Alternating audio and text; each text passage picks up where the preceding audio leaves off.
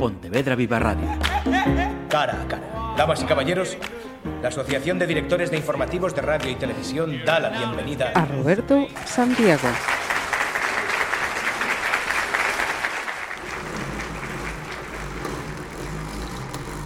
La clienta, 1 de junio de 2018.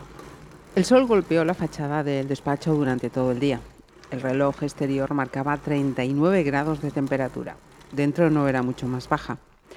Trinidad, mi sucesora, como solía llamarse a sí misma los escasos días que estaba de buen humor, se levantó y bajó las persianas, lo suficiente como para poder vernos, o más bien entrevernos. Al hacerlo, asomó por la manga de su blusa el dibujo tatuado de un dragón. Pensé que no era apropiado para unos clientes tan distinguidos. Al instante me dije que en realidad yo, Jeremías Savi, tampoco lo era. Ni aquel despacho, ni ninguno de nosotros. La única certeza es que amaba a Trinidad como se ama a una hermana pequeña o a una alma gemela.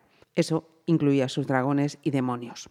Los rostros de las seis personas que estábamos allí dentro quedaron salpicados por sombras y motas de luz que cruzaban el despacho desde la ventana. Trinidad volvió a sentarse a mi lado frente a la desproporcionada mesa de madera de roble que ella misma había comprado en un alarde de ostentación extemporáneo, impropio de su carácter o tal vez bien pensado, muy propio de su necesidad de sorprender y sorprenderse, concepto que a veces confundía con sabotearse. Ana María y John, los jóvenes cachorros del bufete, estaban sentados al fondo, en unas sillas incómodas, en la penumbra, alejados, tomando notas, presentes pero invisibles. Delante de nosotros, la abogada Raquel Llobo se mostraba inmutable. Debía de rondar los 30. Tenía una cierta belleza inocente. También aspecto de haberse tragado un sapo enorme hacía muchos años y seguir haciendo aún la digestión. Su piel inmaculada y su gesto de soberbia contenida delataban que provenía de buena familia, aunque en estos momentos no fueran más que una secretaria con ínfulas y con un título de doctora obtenido en alguna universidad privada. No pintaba nada en aquella reunión más allá de convertirse en testigo y levantar acta mental de todo lo que dijéramos.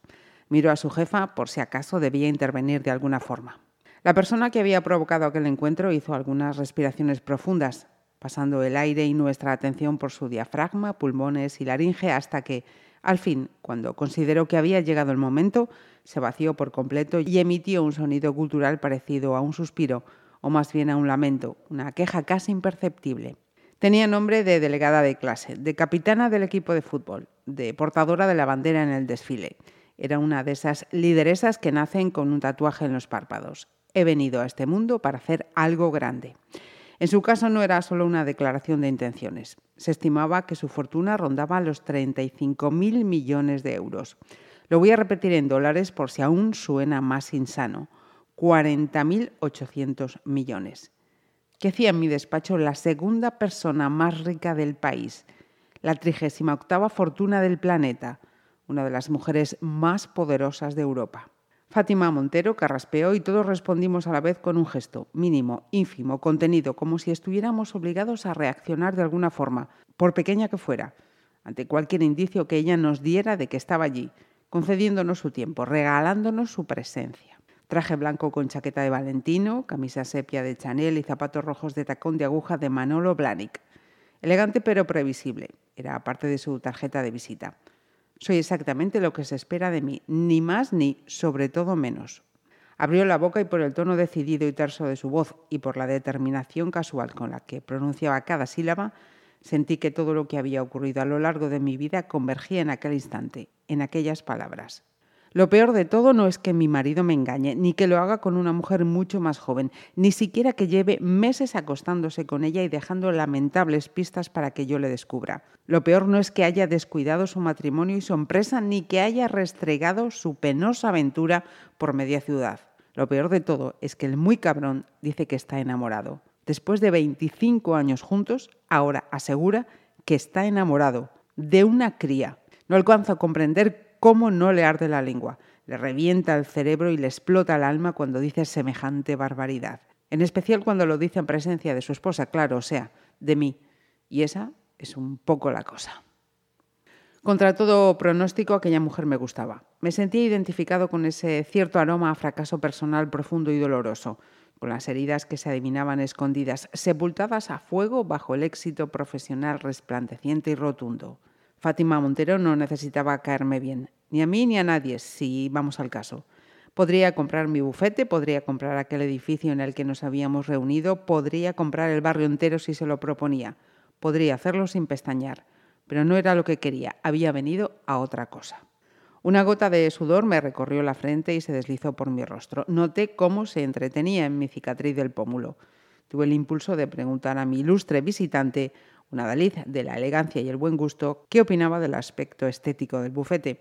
Estábamos instalados en un bajo entre una casa de apuestas y un restaurante chino con menú de 10 euros, en la calle Manolo Sanlúcar, en Carabanchel Bajo, muy cerca de la calle de la Oca. Me habría encantado conocer su sincera opinión sobre el cartel luminoso de la entrada que Trinidad odiaba. AVI Abogados y Agencia de Detectives. Mi sucesor aseguraba que aquel letrero era más propio de una peluquería y que dañaba nuestra imagen corporativa.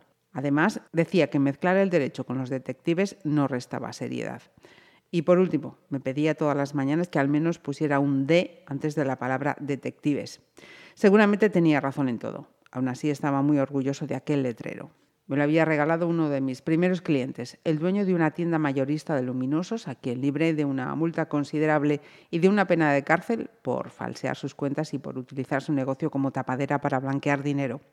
En agradecimiento me había hecho aquel rótulo con todo su cariño, y yo lo había colgado en la fachada, saltándome la ordenanza municipal sobre ruido visual.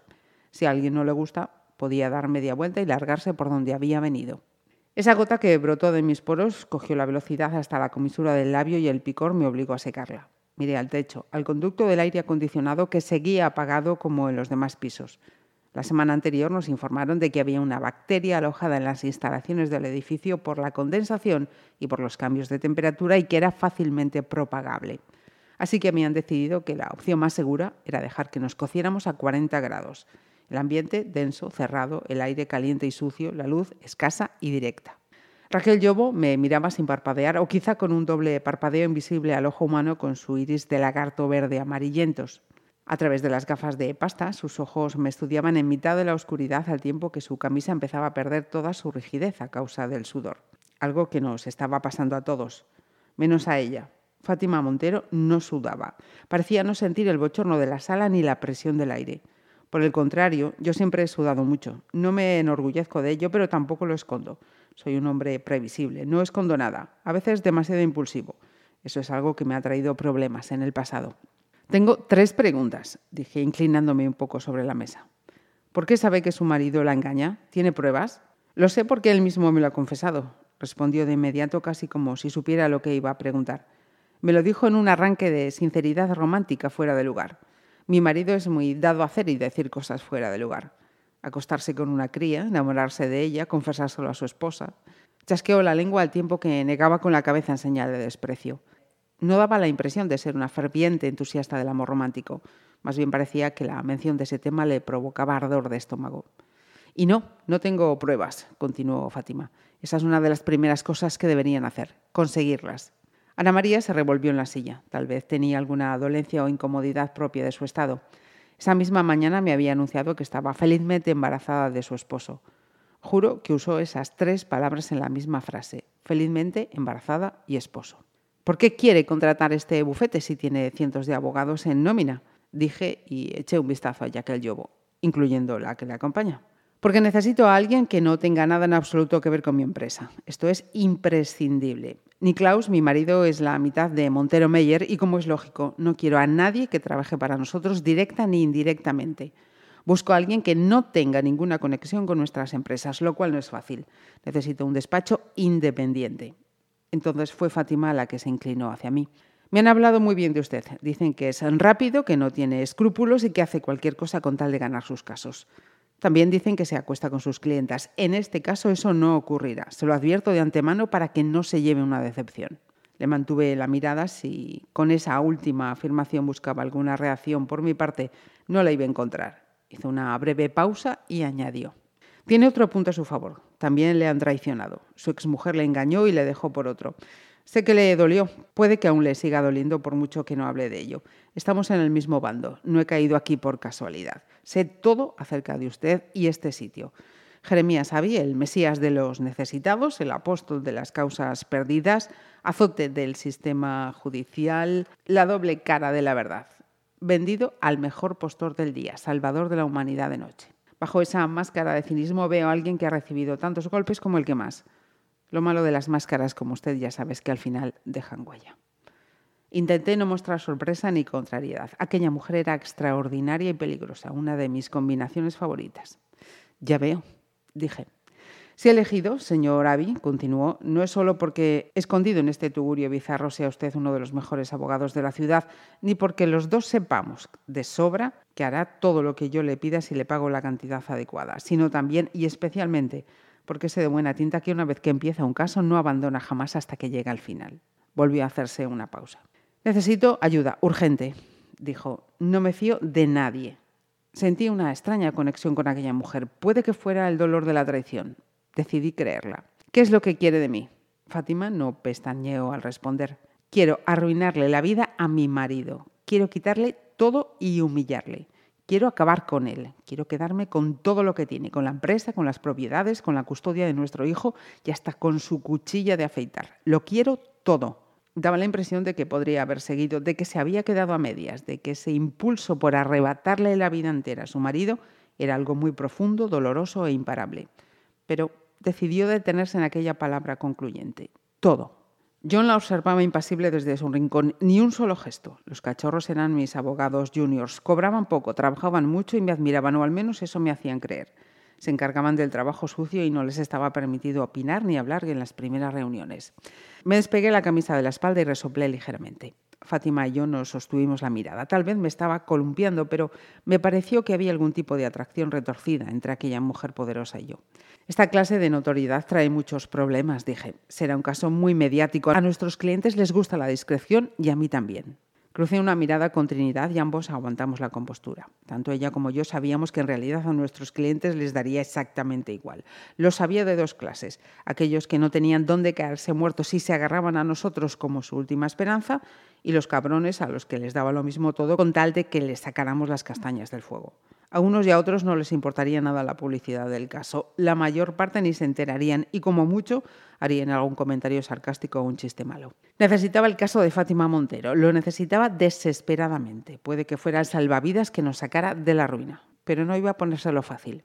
Noté la acidez subiendo por mi garganta y respiré hondo. Estoy acostumbrada a obtener lo que deseo, dijo Fátima Montero. El dinero no es un problema, ponga la cifra, una cantidad obscena, algo que merezca la pena, pero le quiero a usted involucrado personalmente, esa es la única condición. Le haremos llegar una respuesta lo antes posible, dije mirando a Fátima. Raquel redactará un contrato para ir ganando tiempo. Fátima miró a mi sucesora y tal vez a su diminuto tatuaje en el cuello asomando bajo su melena y luego volvió la vista hacia mí. Quiero la respuesta en 24 horas. Pasado ese plazo, mi oferta expirará. No es usted el único en la lista, pero sí el primero. Se levantó e hizo un gesto casi imperceptible a Raquel. Este es mi contacto directo. Estoy disponible 24/7, dijo la joven abogada. Fue la única vez que habló, con una voz agradable, sumisa, eficaz, mientras nos tendía la mano ofreciéndonos la tarjeta con su nombre impreso. Raquel Llobo. Trinidad la cogió. Acompañé a Fátima Montero hasta la entrada. Ha mencionado que le habían hablado bien de mí, murmuré. ¿Podría decirme quién exactamente? Es irrelevante, contestó. La conduje hasta la salida. Pasamos frente a la mesa de recepción donde Dolores, mi secretaria y confidente, nos siguió con la mirada hasta el exterior. Afuera esperaba una berlina con los cristales tintados. El chofer abrió la puerta trasera y Fátima desapareció en su interior, seguida de Raquel. Me quedé unos segundos en la calle observando cómo el Mercedes plateado se perdía en el tráfico. El autobús 47 giró por la esquina de la plaza, maniobrando varias veces para evitar los coches en doble fila, mientras el conductor maldecía entre dientes. Lo mismo de todos los días. A pocos metros, unos chavales se agolpaban en la entrada del local de apuestas. El sol caía a plomo a esas horas de la mañana. Daba la sensación de que el calor asfixiante estaba a punto de hacer explotar la atmósfera. Trinidad llegó a mi lado arrastrando sus viejas Converse. Terminó de liarse un cigarrillo con las manos y pasó la lengua por el papel. La jodida Fátima Montero, musitó encendiéndoselo. Eso parece, dije.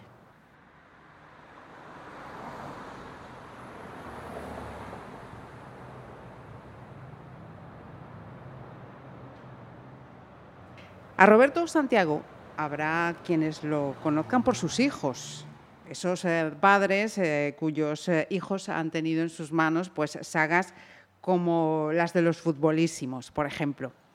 Eh, además de otros títulos de literatura juvenil. Habrá también que lo conozcan por su primera novela o por la secuela televisiva de, de esa primera novela, Ana Tramel. Y ahora vamos a hablar con Roberto Santiago, porque acaba de ser recientemente el último premio de novela Fernando Lara. Así que Roberto Santiago, lo primero, enhorabuena por este premio. Muchísimas gracias, muchísimas gracias. Imagínate, un premio siempre es bienvenido y un premio como el Fernando Lara, que yo he leído tantas novelas antes que habían ganado ese premio, que ahora haberlo ganado es una ilusión tremenda. Y enhorabuena por la rebelión de los buenos. Yo voy a hacer uso de esta sinopsis que nos pasan a, los medios para poneros en situación, aunque ese trocito que habéis escuchado antes seguro que también lo hace. Nos habla de unos buenos que deben actuar para impedir el triunfo del mal y que están representados en esta novela por un inolvidable grupo de abogados barra detectives que se enfrentan a una poderosa multinacional farmacéutica. Casi nada. ¿Qué te hace poner la atención, Roberto, en, ese poderosísimo sector como es el farmacéutico? Bueno, eh, pues fíjate que yo terminé de escribir Ana, mi anterior novela negra, y, no tenía claro cuándo o, con qué tema me iba a enfrentar en la siguiente. Sí que quería escribir novela negra, que es mi género favorito como lector, ya te lo digo. Y un amigo, fue un amigo periodista que me dejó leer un informe y era un informe muy sorprendente, por lo menos para mí lo era, eh, que hablaba de, la cantidad ingente de demandas y querellas contra las farmacéuticas en Europa, no en Estados Unidos, que sabemos que es como el país de las demandas, no, no, aquí, en Europa, mucho más cerca.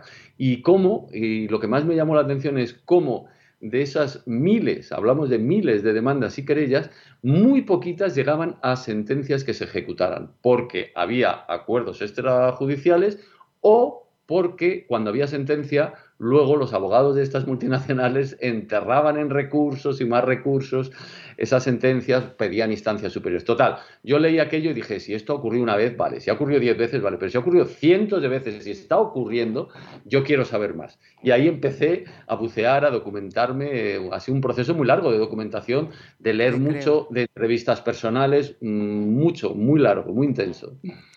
Eh, no sé si en ese periodo de investigación y, entrevistas has tenido ocasión de hablar con Germán Velázquez. Germán Velázquez es eh, un experto en la industria farmacéutica, fue miembro de la OMS y yo recuerdo que tuve ocasión de, charlar con él en una entrevista y te digo que mm, me ha venido a la cabeza millones de veces mientras leía la novela. Pues no, no he tenido el placer de poder charlar, he leído cosas suyas eh, pero no, no he podido charlar con Germán. Eh, eh, fíjate que me he enfocado más en, intentar conseguir entrevistas personales con personas que trabajan dentro de la propia industria, cosa que no ha sido fácil, pero que finalmente he conseguido. Y luego también con damnificados de ciertos medicamentos que tienen demandas en curso y, que eso ha sido la parte más espeluznante, ¿no? ver cómo hay personas que a día de hoy no tienen ningún tipo de resarcimiento ni económico ni moral por daños de medicamentos que les han traído, que les han arruinado la vida directamente, ¿no? Y, en esas entrevistas, claro, pues eh, te ponen los pelos de punta y descubres cómo vivimos en un mundo muchas veces sorprendentemente de indefensión ante ciertos asuntos. Una novela, además, con, muchas eh, rotundidades. Eh, hay alguna frase como esa de que las tres grandes eh, enfermedades de nuestro tiempo son la depresión, el insomnio y la ansiedad. Y dije, esto no, esto no es casualidad, vamos, esto se lo ha dicho alguien seguro, seguro, y nos lo ha metido ahí cuidadito, que esto es lo que hay. Bueno, es que son las tres grandes enfermedades de nuestra sociedad actualmente. Hace muchos años mm, de la ansiedad, por ejemplo, no se hablaba. Eh, no significa que no estuviera, significa que no se hablaba, que no se le ponía nombre, que no se diagnosticaba como tal. Eh, y ahora, bueno, pues ahora se diagnostica y por suerte eh, poco a poco, muy poco a poco, se va visibilizando. yo sí que creo de verdad que en ciertos momentos y para ciertos pacientes la medicación es muy útil, muchísimo, muchísimo, pero también creo, y no lo creo yo, antes hablaba la Organización Mundial de la Salud, tiene muchos informes que habla de la sobremedicación que tenemos en la OCDE, ¿no? que es algo apabullante. Antes de hacerte esta pregunta, voy, a ir a, la siguiente, porque hay otros sectores que, también pones bajo la lupa, ¿no? como es el, judicial. Nos pones muchas luces y muchas sombras también sobre, sobre ese otro sector profesional. No sé si a ver, yo, iba para abogado, yo me matriculé en Derecho, era una de mis vocaciones, pero me di cuenta rápidamente que, no, que no, que no era lo mío, que, a mí me gustan las historias de abogados. Y, bueno, eh, el sistema judicial en esta fase de documentación también he visto muchos juicios, he ido a la Audiencia Provincial de Madrid, a la Audiencia Nacional, he hablado con jueces, con fiscales, con abogados. Es sorprendente cómo la gente te abre el corazón y te cuenta cosas, gente que no conoces de nada. Hola, soy Roberto Santiago, estoy escribiendo un libro. Y la gente enseguida, es verdad que yo no soy periodista y que por lo tanto no voy a usar sus datos de manera directa ni sus nombres. Pero la gente eh, te cuenta, yo creo que la gente está deseando, estamos deseando contar, ¿no? Eh, y, claro que, que, creo mucho en el sistema de justicia, pero también creo que es muy mejorable en muchas cosas. Y también, por desgracia, uno al final llega a la conclusión de que por mucho que nos empeñemos, hoy en día la, justicia no es igual para todos. Mm. No es lo mismo, no es lo mismo tener 200 abogados y recursos ilimitados mm, a tu disposición que no tener dinero ni para pagar a, nadie y que te pongan un, abogado de oficio que le va a dedicar 10 minutos a tu caso. No es lo mismo. La justicia no va a ser igual, lo siento mucho. No es, Claro, no es un problema de los jueces, es un problema del sistema. Del sistema, así es. Quienes os acerquéis a esta novela, que la recomiendo total y absolutamente, no sé si van a tener la misma sensación que yo, pero yo había muchos momentos de la novela en los que me sentí incluso como uno de los miembros de ese jurado popular. qué bien. Qué Tal cual, porque estabas escuchando unos argumentos y decías, claro, claro, claro. Luego llegaban otros argumentos y decías, ah, claro, también esto tampoco lo... Es, es digo, ¿cómo, cómo está? Em, jugando en el buen sentido de jugar con los lectores, Roberto. Eso es una, habilidad del escritor.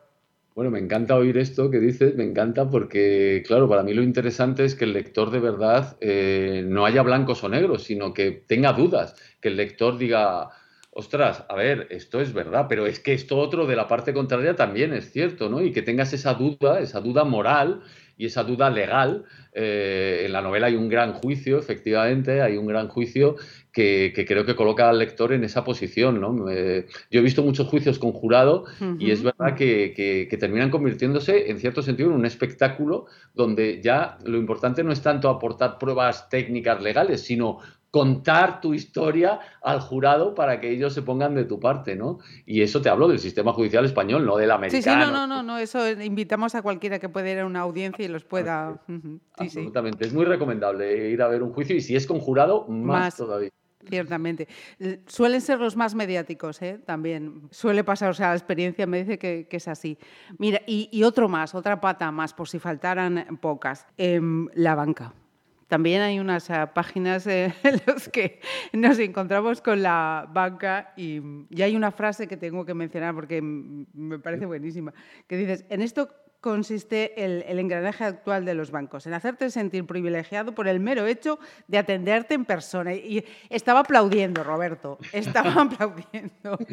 Bueno, eh, eh, la banca no es protagonista de la novela, pero es verdad que hay un momento en el que de desesperación de uno de los personajes de esta deshumanización absoluta de la banca y de otros muchos sectores en la sociedad, pero si hablamos de la banca, desde luego el proceso a ojos vista, eh, cualquiera que haya vivido una banca de hace años donde tú ibas, podías hablar con las personas que trabajaban allí, ahora eso, eh, bueno, se ha deshumanizado a unos niveles tales que, bueno, pues sí, que efectivamente eres un número más, eh, te invitan a que todo lo hagas online para que no haya contacto humano eh, y, bueno, pues que nos tengan más controlados, que obtengan más beneficios eh, paradójicamente lleva a que tú estés más indefenso. Sí, es algo terrible. Mm. Para que os deis cuenta de lo que estamos hablando con, este, con esta charla, eh, estamos hablando de una novela negra, pero con muchos elementos. Eh, es nada de, una cara, dos caras. Tiene, tiene muchas, muchas, muchas aristas. Roberto, em, ¿los buenos son buenos por, em, por rebelarse contra el mal? A ver, los buenos, primero, ¿quiénes son los buenos? ¿no? esa es una ah. pregunta que también, también creo que recorre la novela. ¿Quiénes son verdaderamente los buenos? Y luego, una vez que, venga, que digamos, vale, venga, estos, a pesar de otras cosas, sí, venga, están en el grupo, están en el grupo de los buenos. Creo que si los ponemos en ese grupo es porque sí que se empeñan en que se haga justicia de verdad eh, aunque eso les cueste a nivel personal eh, un peaje muy grande, ¿no? Y cuando uno está dispuesto a pagar un, un peaje personal tremendo para ayudar a los demás, ahí yo creo que sí que se empieza a ver la bondad de verdad. Ahora, también te digo, llámame ingenuo si quieres, llámame... Yo creo, a pesar de todo, creo como decía Rousseau, creo que el ser humano es bueno en esencia. Lo creo, y fíjate que hay muchos ejemplos ahora que podríamos dar de lo contrario, pero sí que, sí que lo creo. Creo que el, buen, el ser humano, a pesar de todo, en el fondo, cuando rascas, hay bondad, sí que lo creo. ¿Y, la pasividad entonces? ¿Qué, qué es? Bueno, claro, ¿qué es la pasividad? Pues la pasividad es que estamos ocupadísimos y preocupadísimos por llegar a final de mes, por pagar la luz, por ayudar a nuestros familiares, a nuestros seres queridos y es como que no tenemos tiempo para mirar un poco arriba y decir, a ver, el sistema este que nos hemos dotado, que es estupendo en muchas cosas, ¿es mejorable? Pues sí, yo creo que es muy mejorable, pero mucho y creo que tiene muchas grietas eh, contra las que conviene rebelarse, si me permites que lo diga así, y también conviene hacer algo, ¿no? El mal, entre comillas, cuando gana estas batallas no es porque haya librado una batalla muy dura, es que muchas veces es que no hay batalla directamente, ese es el punto. Eh, es que hay muchas moralejas aquí, una de ellas es eso, poquito a poco, ¿no? Cada uno tenemos que poner nuestro, nuestro granito en la medida de nuestras posibilidades. Claro, yo creo en eso, creo que cada uno, mira, yo me dedico a escribir ficción, a escribir novela, a escribir guiones y desde la ficción creo que se puede aportar mucho también. Yo pongo mi pequeño granito de arena para que eh, ojalá los lectores al leer La rebelión de los buenos se pregunten muchas cosas, se pregunten esto, ¿no? Esta realidad en la que vivimos no se pueden mejorar ciertas cosas, no hay cosas que damos por hecho que no tienen por qué ser así. ¿Por qué toda la medicación que tomamos, toda, absolutamente toda, está en manos de unas multinacionales cuyo objetivo legítimo es obtener beneficios, pero muchas veces a costa de saltarse todas las normas? Bueno, creo que eso se podría mejorar. No significa cambiarlo 180 grados, no, significa mejorarlo, que haya más controles, muchísimo más por parte de, de los estados, mucho más exhaustivos y que la salud no se convierta en un negocio en ningún caso.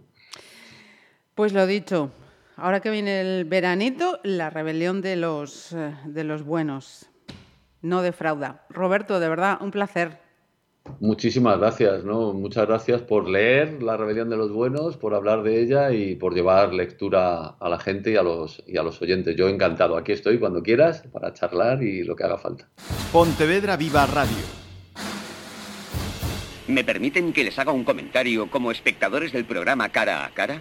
Según un reciente sondeo de mercado, ustedes disponen de estudios e inteligencias superiores a la media. Sus intereses abarcan desde la actualidad mundial y la ciencia hasta el deporte y los espectáculos.